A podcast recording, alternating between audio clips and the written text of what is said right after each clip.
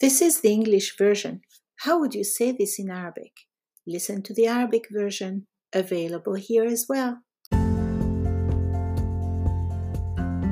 I remember being so strict about recipes, for example.